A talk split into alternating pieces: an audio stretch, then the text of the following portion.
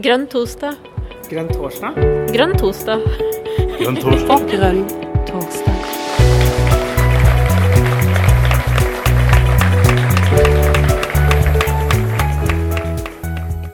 Ja. Grønn torsdag, Farid. Det blir spennende. Det er spennende.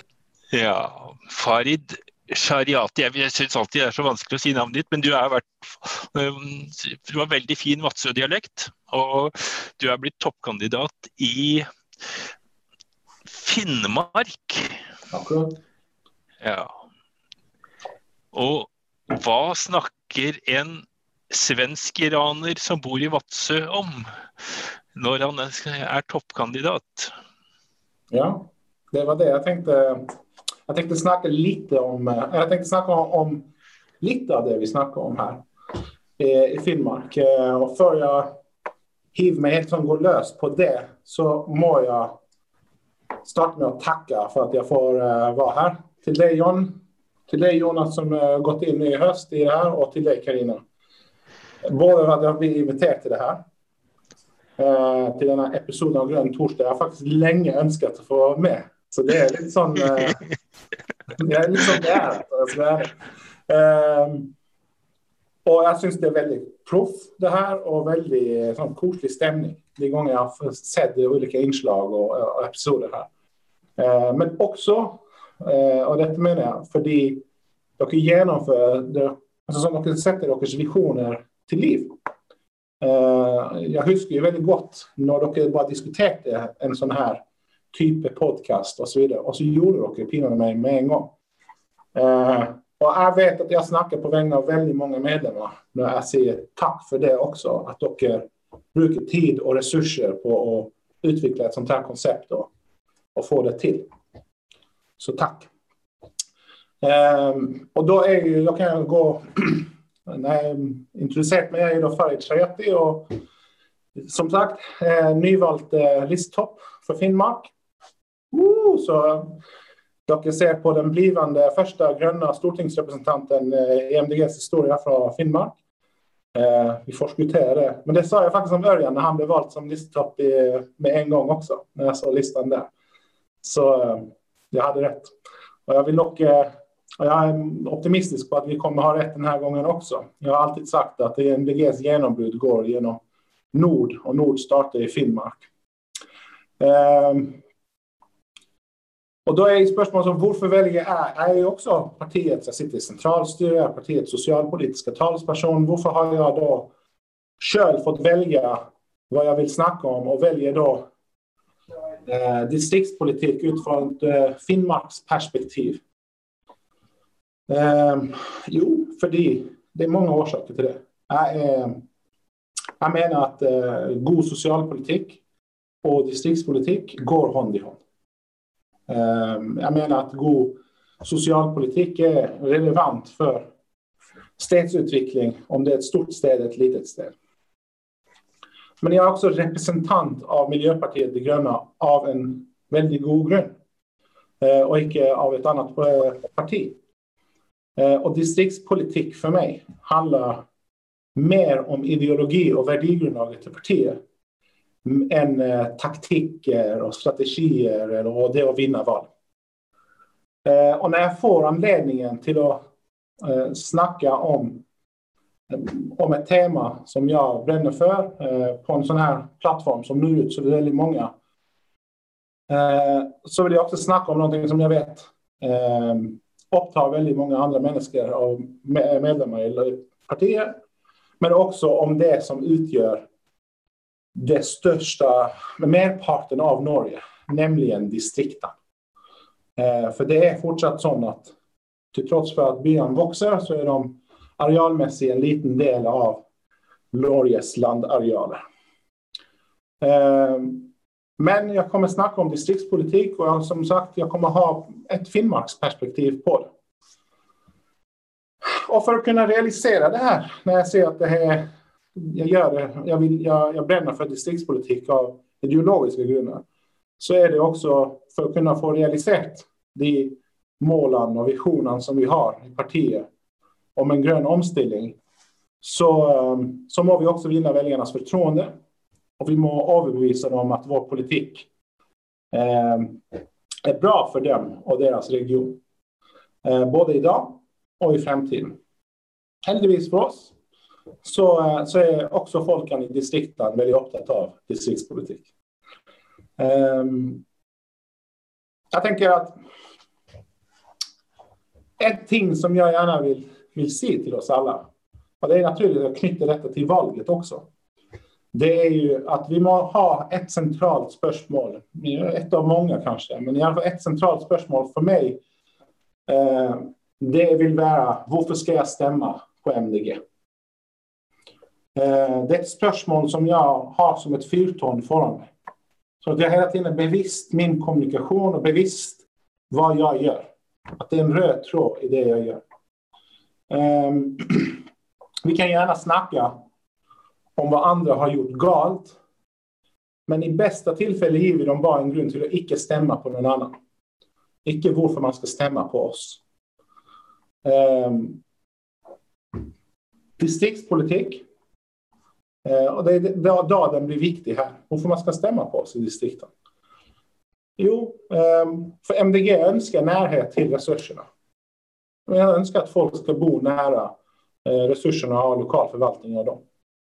MDG önskar livskraftiga och självförsynta lokalsamfund. Eh, MDG önskar att vi ska sätta livskvalitet högre än levestandard. Att vi ska ha mer tid till varandra, eh, till oss själva. Att vi inte bara lever i pakt med naturen, men att vi lever i naturen och nyter av den. Eh, det här är helt centrala ting i vårt principprogram. Det är det vi skriver inledningsvis i vårt principprogram om vilket typ av samfund det är vi önskar att skapa. Och då när jag läser det så, så, så, så kan jag inte undgå att följa att mycket av det som vi önskar uppnå i vårt principprogram är ju ting som träffar mig rätt i hjärtat. Och själva orsaken till att jag från Skåne, urbana regionen i Sverige, eh, valde att bli boende i Vatsö efter att först blivit lurt hit, väl att. Men likväl är här på snart mitt trettonde år. Eh, när jag först bara skulle vara tre veckor. Och jag gärna lust att snacka lite om det här med livskvaliteten då. Låt mig gärna invitera in i min realitet. Hur livet mitt, eh, en liten del av hur livet mitt ser ut i Finnmark. Jag lever gott här. Ehm, dock dere ser inte min mage, men eh, dock dere ville sett att jag spiser bättre än kongen. Eh, och det menar jag bokstavligt talat. Jag har tillgång till de bästa råvarorna och bästa naturresurserna som man kan skörda. Ehm, jag, jag spiser viltkött ehm, som både är bärkraftigt att spisa av. Ehm, och jag har vänner som jaktar och jag har vänner som har viltgående husdyr. Jag har, jag går själv ut på havet och fiskar den bästa fisken i världen. Eh, och, och, och, kan fylla en frysebox på, på en tur. Eh, jag har naturupplevelser eh, som del av min värld. Jag badar i Nordlyse som folk betalar till tusentals kronor för att ha en chans och möjlighet att få uppleva. Och på sommaren njuter jag av midnattssolen Eh, jag njuter av att se det fantastiska rika dyrelivet som vi har här och faunan som vi har här. Jag har nationalparken i min bakgård. Jag har mycket mer fritid än jag ville ha i en stor by. Tid som jag kan bruka på politik, men också som jag kan bruka på min sömn och utfolda han, också på mig själv. Min dröm om att bli en pianist kom i uppfyllelse här. För jag hade tid till det. Jag har nabor som känner mig och jag känner dem. Jag bor i ett hus istället för och bo med ihjäl i en trång liten lägenhet. Så det här är någon, ett litet inblick, en liten invitation i det goda som distriktet tillbyr mig.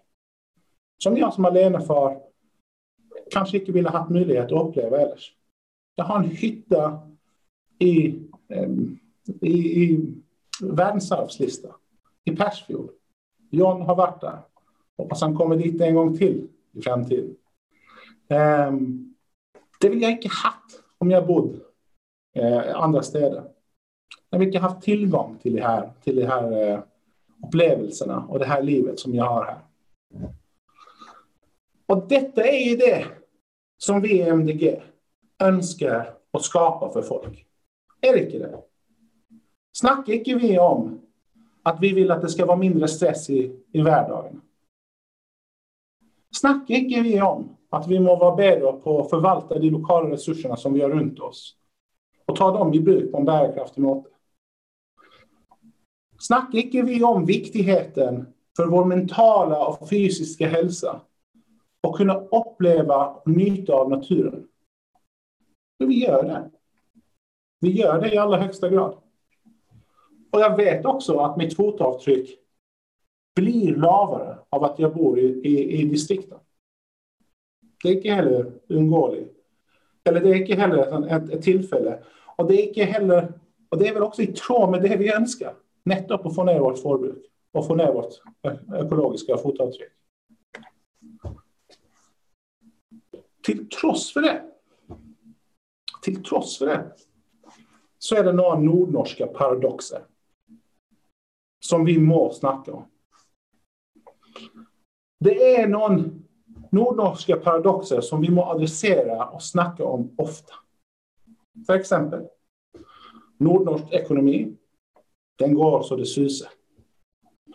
Um, ehm, och det är inte utan grund att, uh, att ekonomiska analyser pekar på Nordnorge som Norges framtid.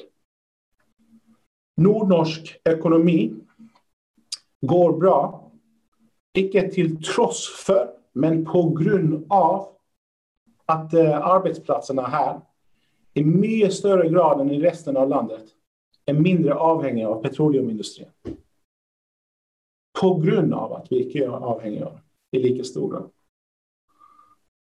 Och paradoxet är att till trots för det jag nettopp beskrev med det goda livet i distrikten så ser vi att inbyggartalen både stagnerat många platser i Nordnorge.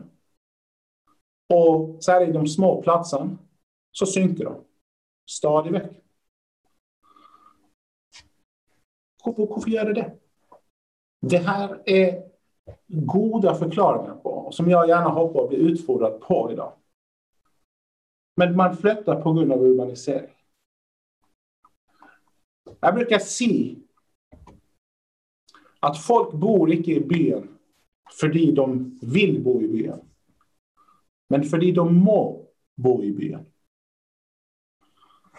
Och det är någon som inte är helt klar över det helt själv eller eh, ändå. Att de, att de faktiskt inte vill bo där, men de önskar egentligen bo ute i distriktet. Men väldigt många, vet jag, önskar att flytta tillbaka till sina hemplatser, sina uppväxtstäder. Det här har nettopp en konjunkturbarometer eh, för 2020X, barometer 2020X, som Sparbanken Nordnorge också nettopp har publicerat. Visar att 8 av 10 unga som har flyttat från Nordnorge önskar egentligen komma sig tillbaka. Men de pekar också på det som länge har varit känt för oss i Nordnorge som orsakerna till att det icke lade sig genomföra så lätt. Jag tänkte icke snacka 25 minuter som jag blev förespelat om. Eh, jag vill hellre ha en dialog, men jag avslutar med lite som food for thought. Och det är istället för distriktspolitik bör vi hellre snacka om ruraliseringspolitik. Jag avslutar där. Och, eh, och hoppar på vanskliga spörsmål för att se, tar jag det på sparken eller blir det mer stamming och hoffing och hosting och kaffedrickning? det är väl det vi må uh, träna på att undgå då. Jag, jag hade ju trott att du ville välja socialpolitik eller flyktingpolitik. Jag ser att du har ett väldigt problematiskt bild på väggen bak dig. Ja. Ja, så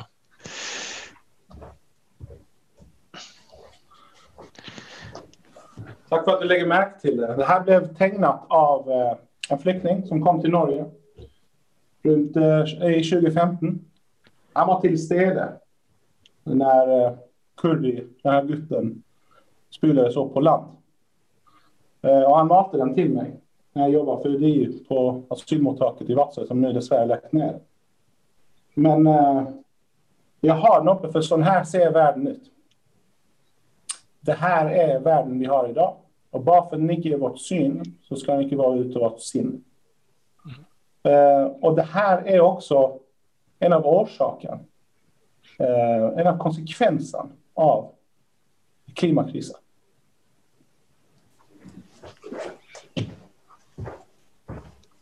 Uh, jeg har et spørsmål. Vær så god, Sigrid. Um, ja, altså Du sa at eh, nordnorsk økonomi gikk eh, som det suste, altså litt bedre enn eh, eh, i Sør-Norge fordi at eh, arbeidsplassene eller um, i hvert fall næringslivet i mindre grad var knyttet til petroleumsindustrien. Da. Altså, nå virker det ikke som om ja, regjeringen har tatt det inn over seg med at de utlyser både 24, 23, 24 og 25. konsesjonsrunde osv. Men uh, i Barentshavet eh, jeg, jeg gikk på eh, Pasvik folkehøgskole, forresten, så jeg har vært i et år i Finnmark. Fantastisk plass. Uh, men uh, hva, hva, er det faktisk folk jobber med i Nord-Norge, er det jeg lurer på? Hvor, hvor, er det folk jobber? sånn prosentvis, kan du gi et anslag over det? Ikke prosentvis, det tror jeg ikke. Men jeg kan, jeg kan kanskje likevel prøve å svare på det, om det er greit. Um, ehm, altså folk i vi må, vi må, bort fra det her bildet när vi snakker om Nord-Norge, uh, som dyrkas av og til. Som romantisk bild av at vi, vi bor i noen slags igloer allihop och og, og, og så videre. Eller episoder av Där ingen kunde tro att vi bodde, eh, gäller liksom alla i hela Finnmark. Finnmark är ganska varierat. Eh, vi har till exempel Vatsö, som jag är från som fram till tvångsäktenskapet mellan eh, Finnmark och Troms eh, var administrativa huvudstaden i fylket.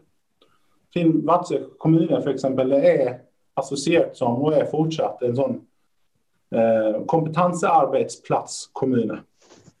Icke bara i fylkeskommunen, men Statens hus, och vi har del av direktoratet, eh, olika direktorat här och andra kompetensmiljöer här för exempel. Eh, och drar du till Alta så har du faktiskt, där var man ju för Oslo med en storstilt eh, eh, cykelsatsning eh, och utveckling av det och göra byn till en cykelby. Eh, Alta kommun har ju väldigt mycket mer till fälles med med en, en storby än för exempel Gamvik kommun i Finnmark har. Um, och, eller vad Alta har med Gamvik. Till trots för att Alta kommun också är att räkna som en distriktskommun. Så jag, jag, jag startar gärna med att säga det bara för att visa att vi är ett fylke som består av både byar eh, som är relativt små då, i norsk sammanhang, men likväl eh, där vi har både höja, som alltså, kompetensarbetsplatser, eh, men också eh, där folk jobbar i de, i de områdena. Men vi har också en räcka primärnäringar. Eh, så fiskeri är kämpeviktigt för oss. Eh, fiskeri är livslinjen och har alltid varit i alla generationer. Kan jag fråga då, är det då liksom eh,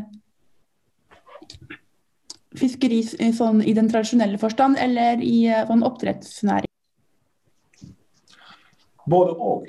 Eh, men jag är väldigt emot oppdrett som vi associerar den som, de öppna oppdrettsanleggene, eh, så är de etablerat här, Men jag vill inte påstå att de bidrar till någon särlig eh, näringsutveckling här. För att vara helt ärlig, tvärt emot så menar jag att oppdrettsanleggene hämmar näringsutveckling.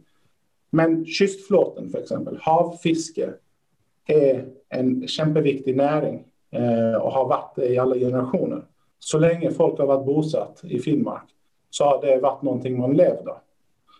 Vi har andra traditionella näringar som, som är knutna till den samiska traditionen eh, som är kämpeviktiga både för vår kulturidentitet eh, men också för näringsutveckling och marknadsföringen av oss. Det som är med Finnmark är ju att på grund av att vi inte haft ett parti som styrt som MDG så har ju ting som varit värdefulla resurser aldrig blivit ansett som resurser.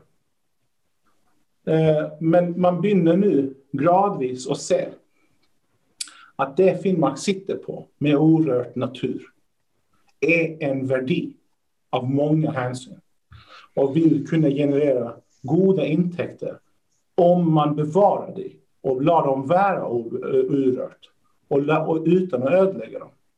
Man ser att för exempel de naturresurser vi har i havet, de naturresurser vi har i vinden eh, och så vidare. Det är, viktiga, eh, det är viktiga katalysatorer för vidare drift. Vi ser nu att kommuner som Berlevå kommunen är seriöst igång med att etablera sig som eh, cirkulärekonomiska industrikommuner. Icke genbruksekonomiska modeller, cirkulärekonomiska modeller.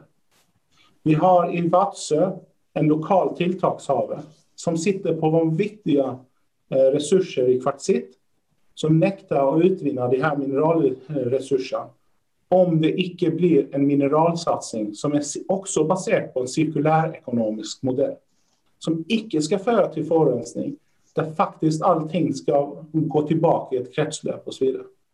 En kämpestor potential här. Kämpestora potential här. Industri spelar en roll här.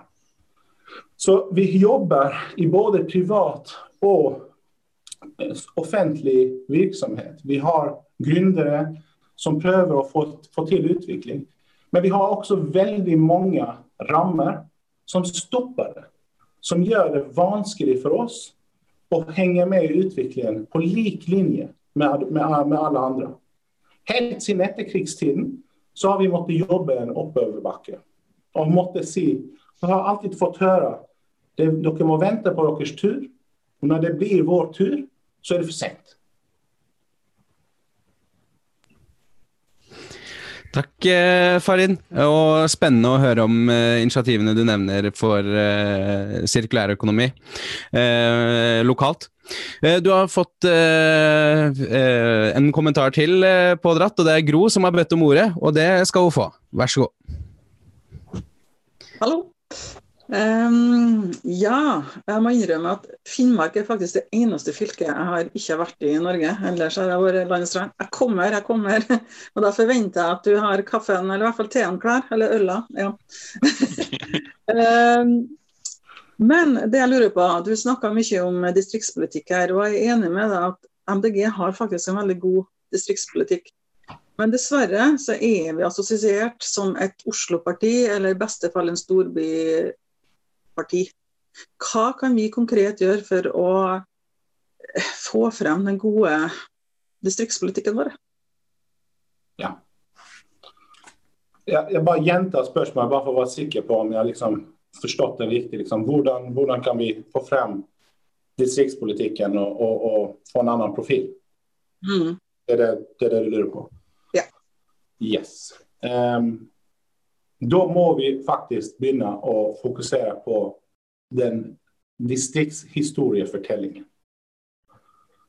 Och distriktshistoriefortellingen, eh, den må vara precis.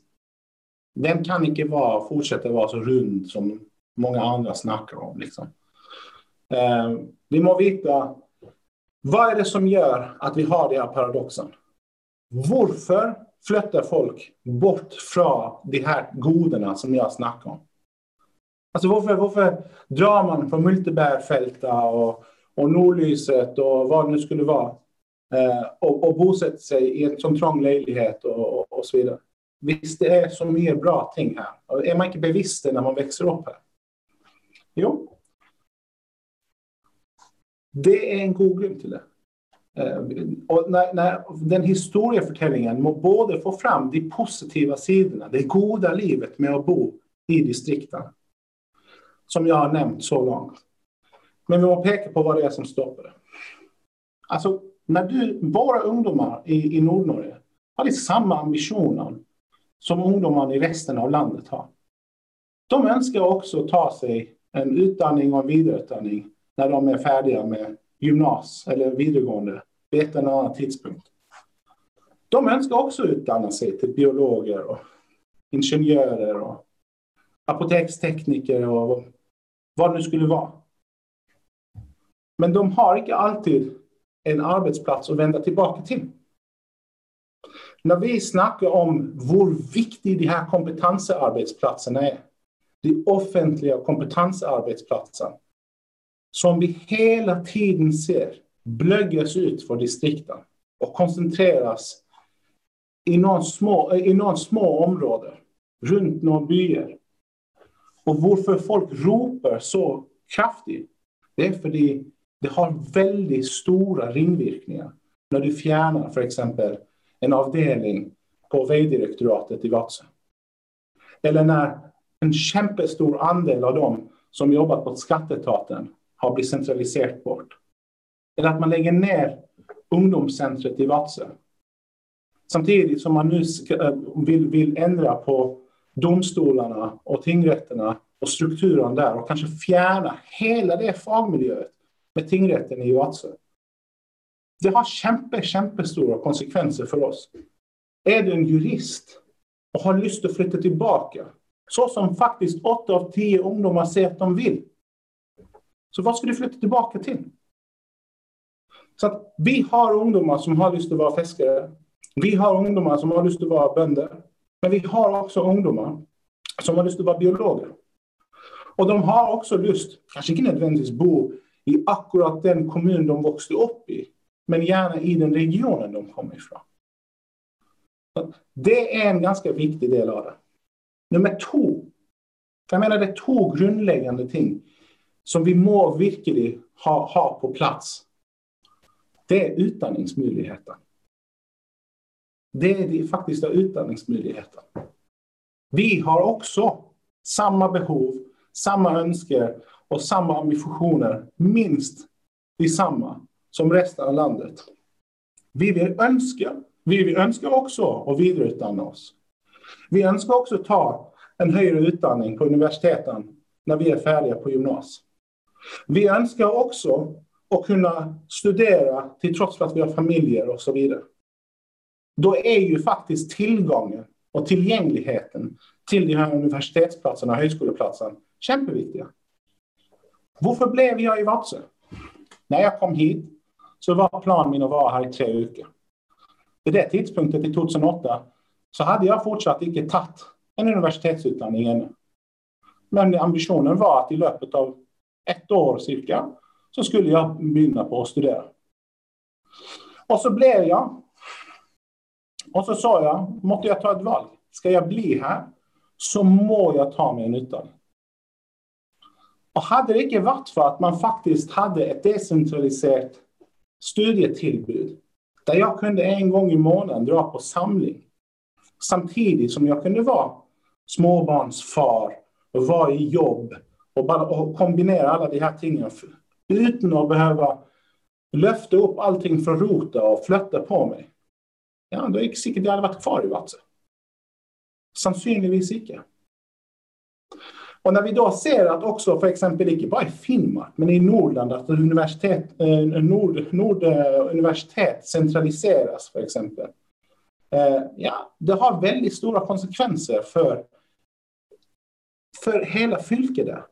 Akkurat borde kanske tjäna lite på det, men i längden så kapar de av den samma grejerna de sitter på.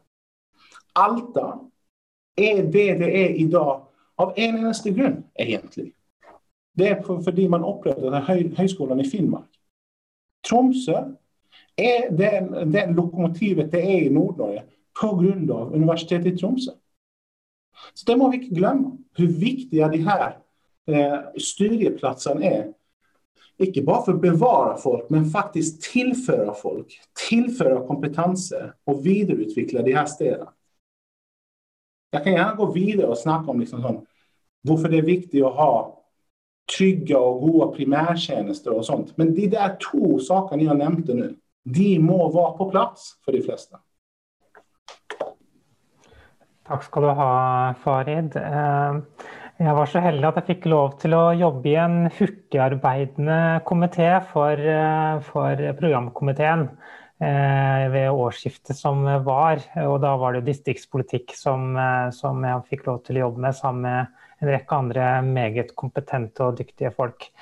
Og en av de tingene som vi kom frem til, var jo at det var viktig å muliggjøre at statlige arbeidsplasser også flyttes ut til distriktene, og ikke bare fjernes fra distriktene. Og En av de metodene vi foreslo kunne brukes, var jo at man i større grad tillot muligheter for at man kunne eh, telependle, eh, som eh, er det begrepet vi fant på etter hvert.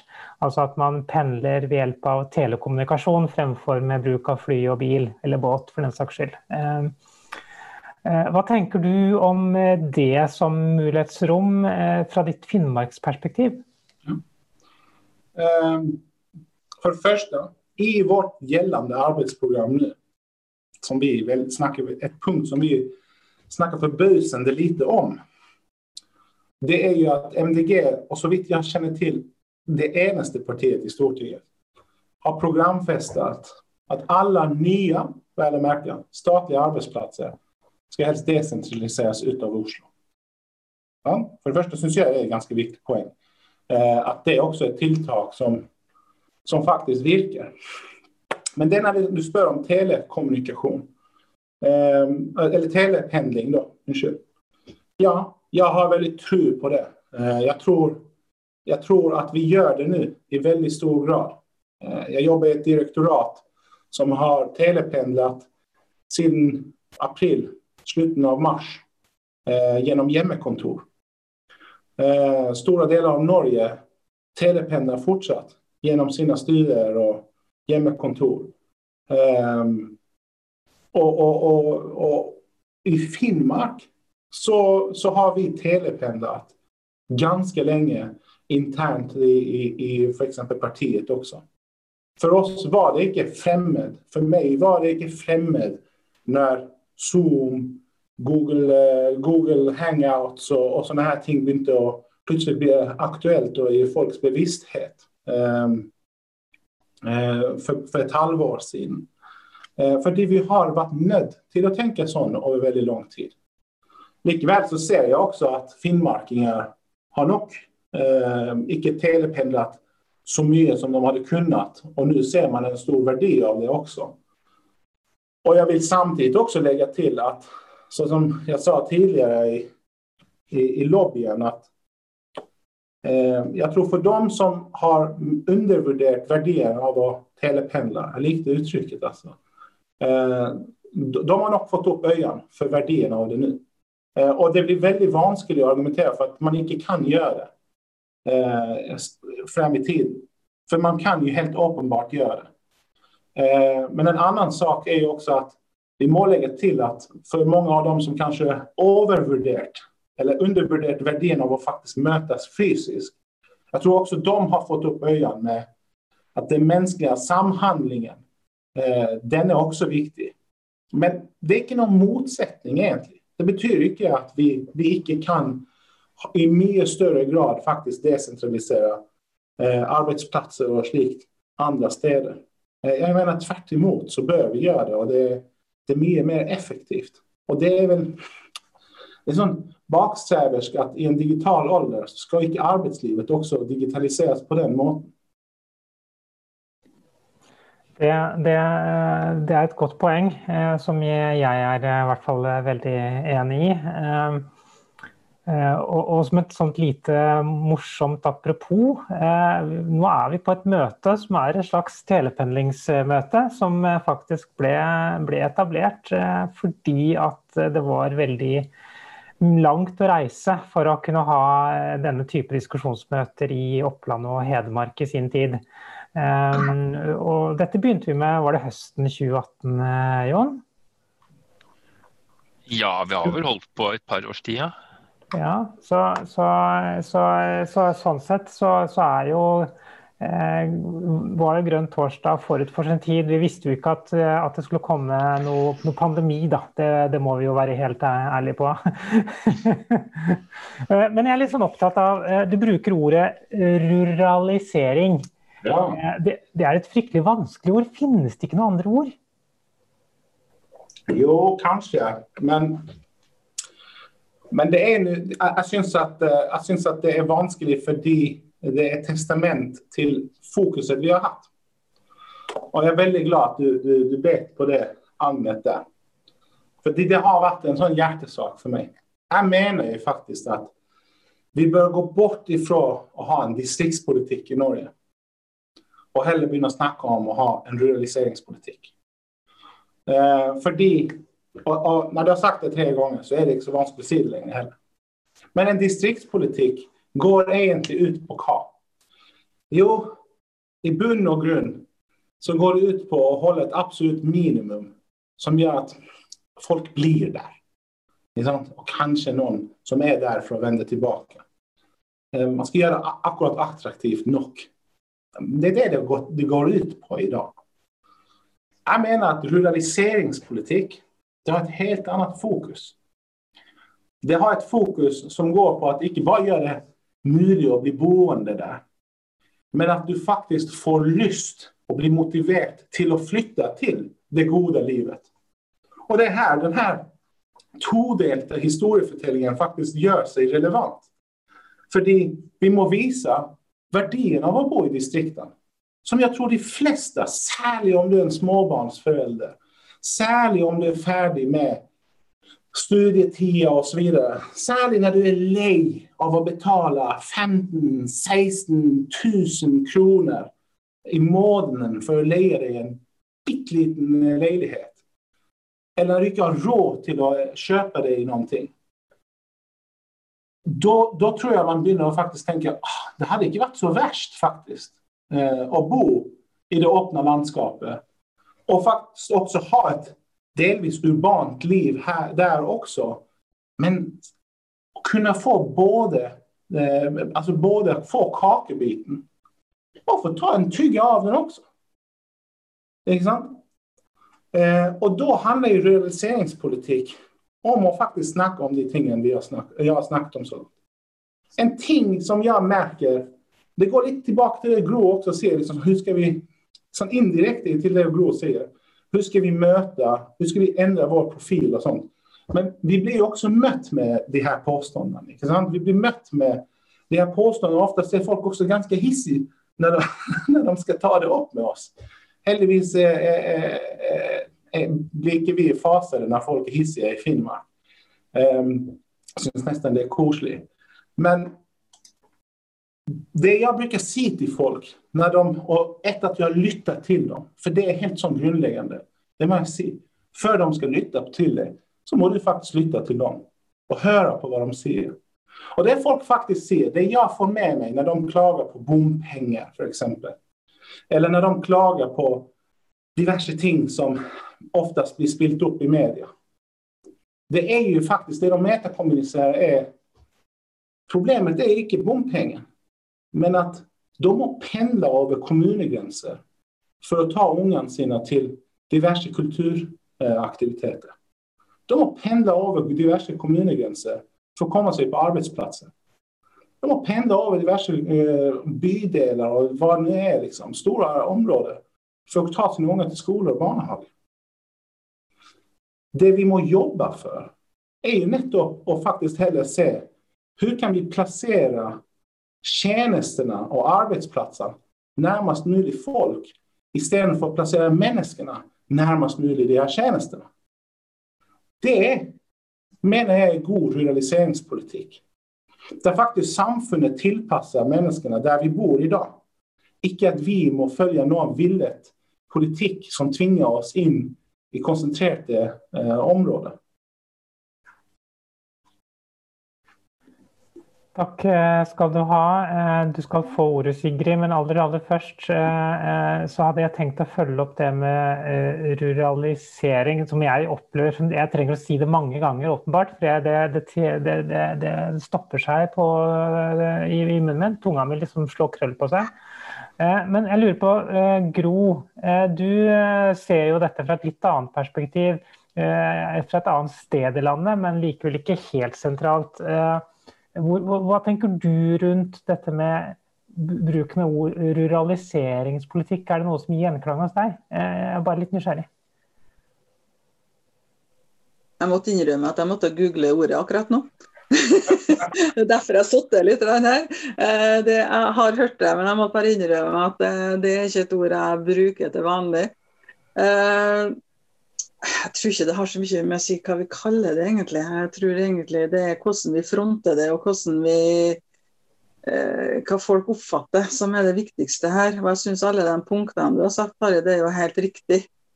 Så får vi heller eh, lære oss å få tunga med oss. Men uh, jeg kjenner igjen veldig mye av det du sier om og problemet med distrikt. For at Selv om jeg bor i en by, så er det en liten by, og jeg anser alltid Møre og Romsdal som distrikt, for å si det rett ut. Mm. Uh, I hvert fall så blir vi behandla sånn også, så da er vi et distrikt. Så enkelt er det. Så ja, her flytter folk, her mister vi statlige arbeidsplasser, her forsvinner utdanningstilbud. Så vi har akkurat de samme problemene, egentlig. Mm. Takk skal du ha. Da kan du få ordet, Sigrid. Ja, ehm, eh, um, jeg har egentlig litt sånn uh, eh, flere ting jeg vil si, da.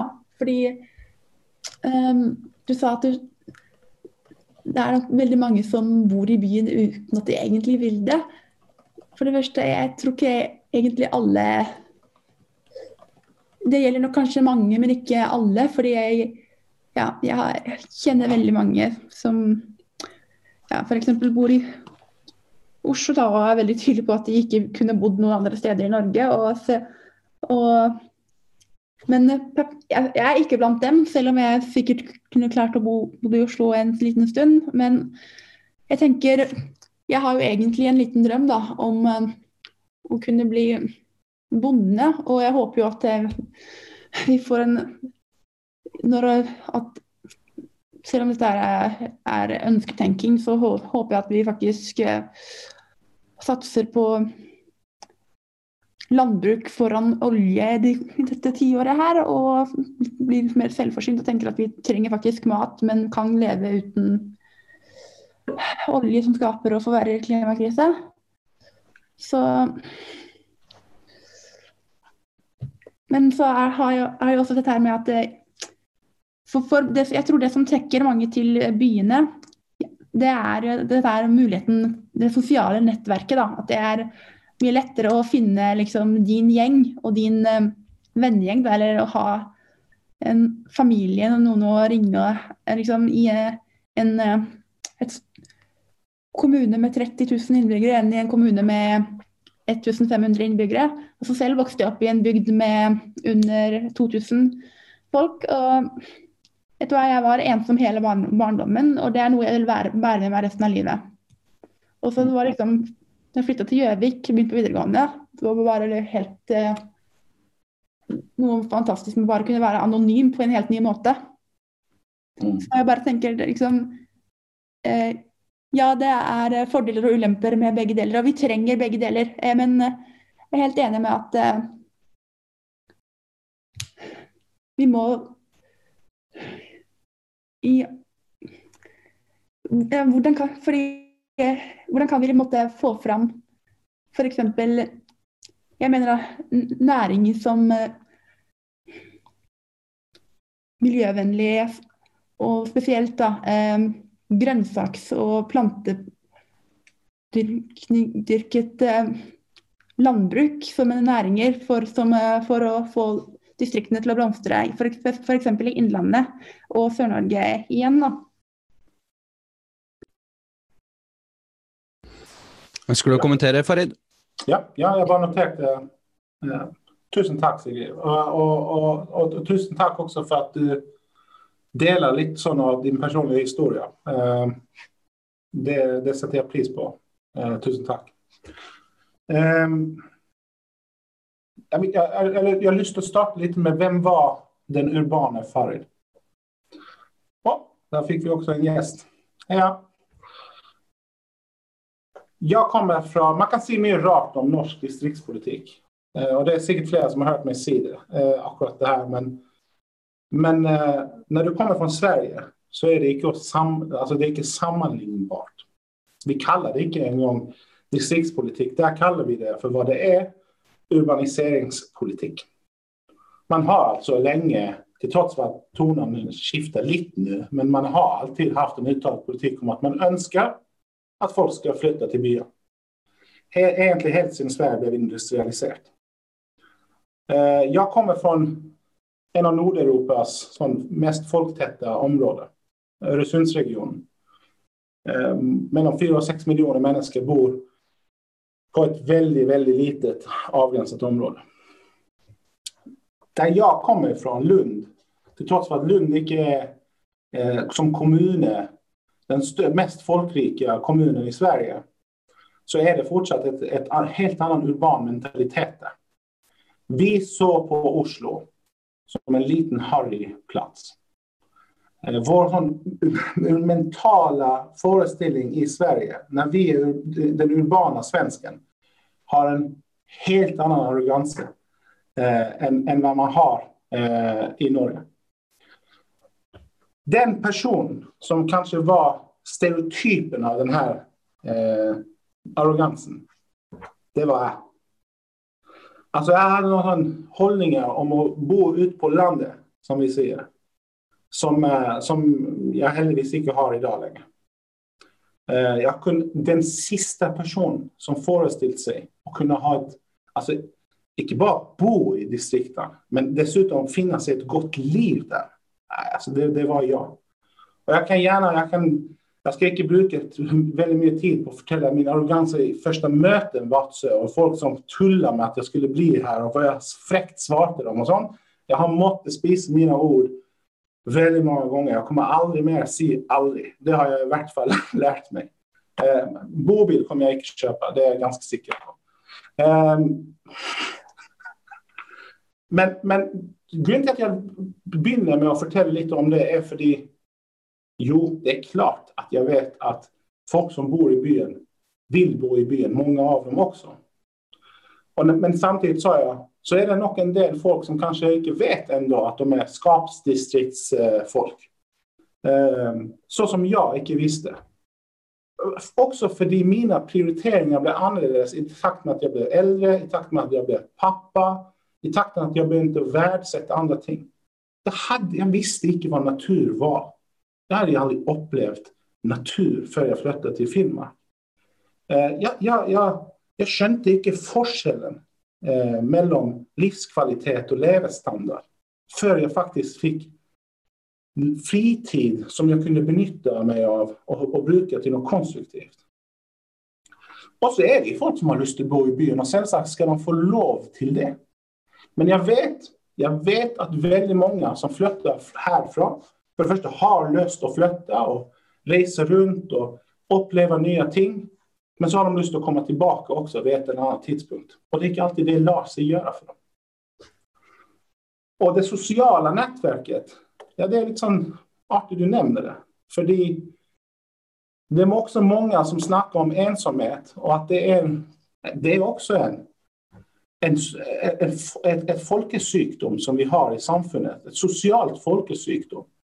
Och där särskilt ensamhet i byn, där du blir för anonym, kan vara väldigt negativ för väldigt många. När jag säger att jag känner mina naboer och mina naboer känner mig, är för att jag kände inte mina naboer i byn. Till trots för att jag bodde i ett nabolag som hade fler inbyggare än vad Vatsö har i hela kommunen. Men det kan gå bägge vägar, helt klart. Och det är därför det är väldigt fint att man själv ska få lov att välja Ska man bo där man är eller ska man bo någon annanstans? Och små städer, det att hamna utanför där och uppleva den utanförskapen. Alltså det är väldigt hårt alltså. Och det ska jag aldrig ta ifrån. Den, den livserfarenhet man har, jag ska aldrig förtälla någon att den inte är reell.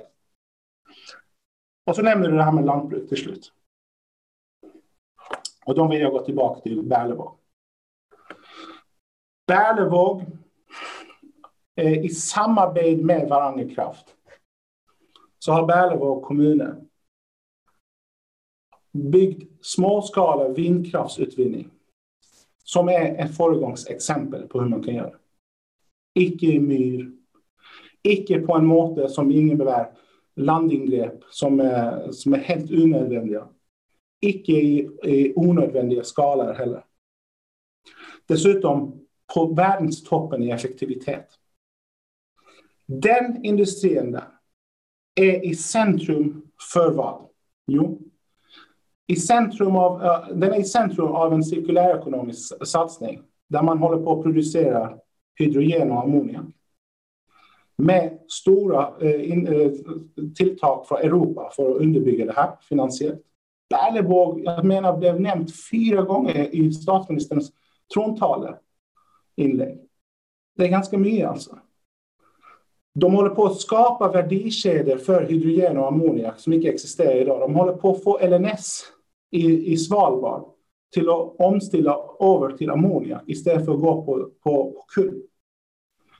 Eh, men de håller också på att se på de restprodukter som kommer av hydrogenproduktion, som i huvudsak är varmt vatten och oxygen.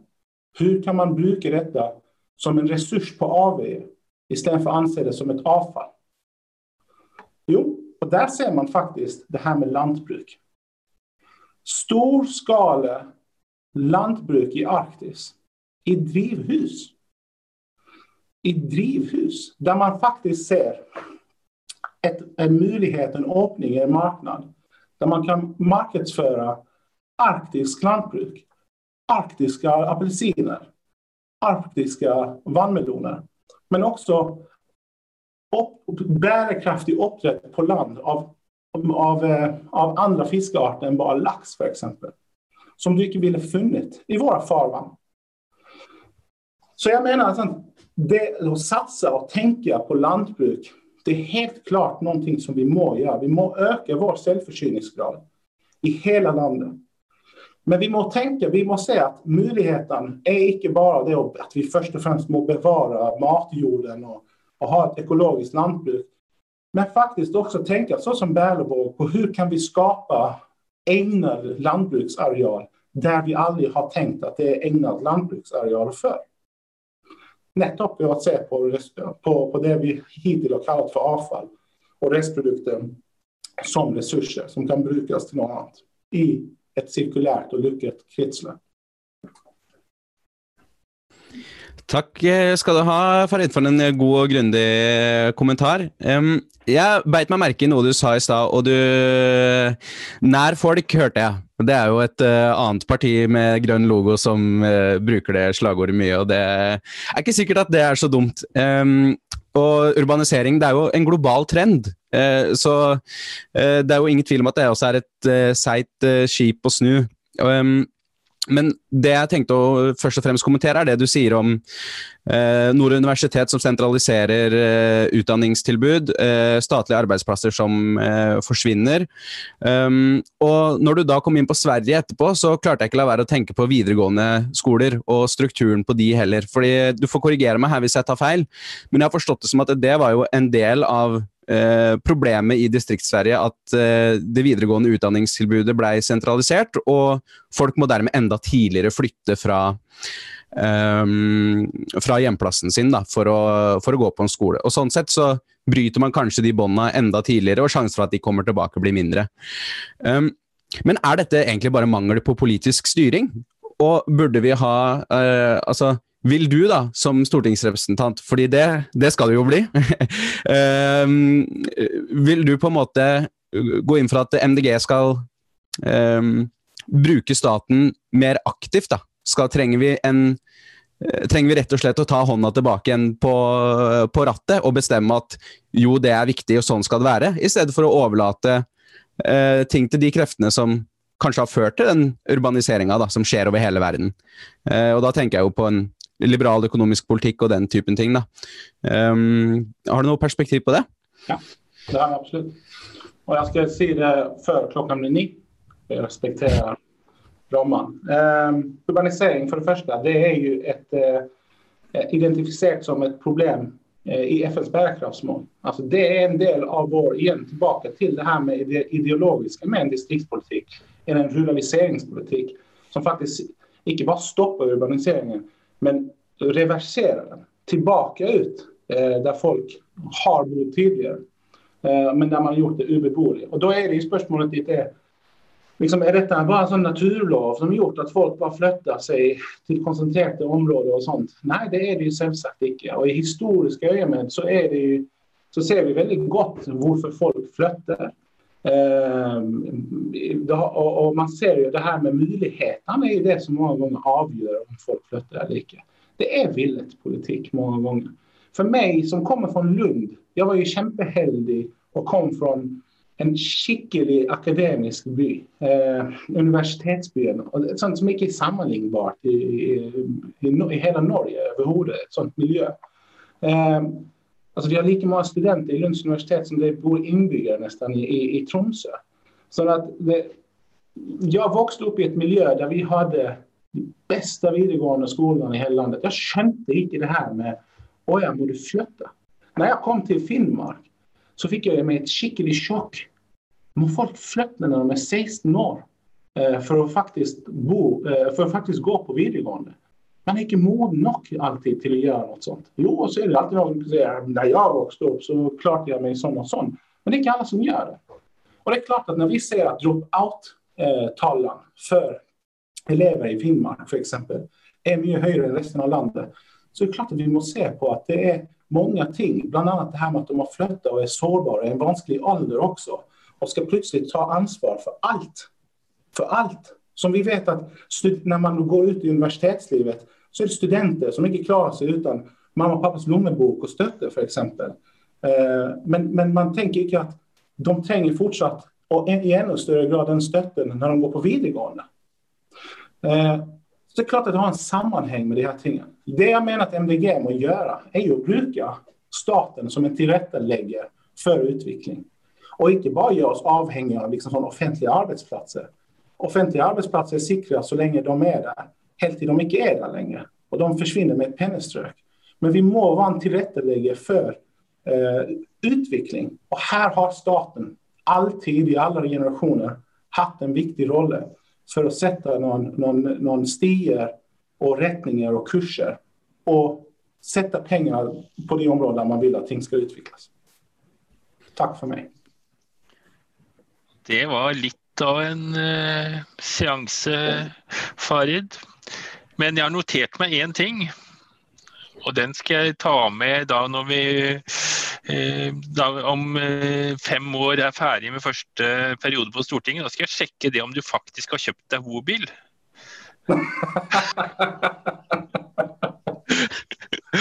det eneste jeg har holdt kvar. Bobil og danseband kommer jeg ikke heller høre på noen gang. og gjør jeg det, da gir jeg opp. ja. Greit. Så, så når, du, når, du, kommer kjørende i en bobil til en dansebandgalla, da, da, da, er det, da er det kjørt? Da må dere spørre hvor er og hva har de gjort med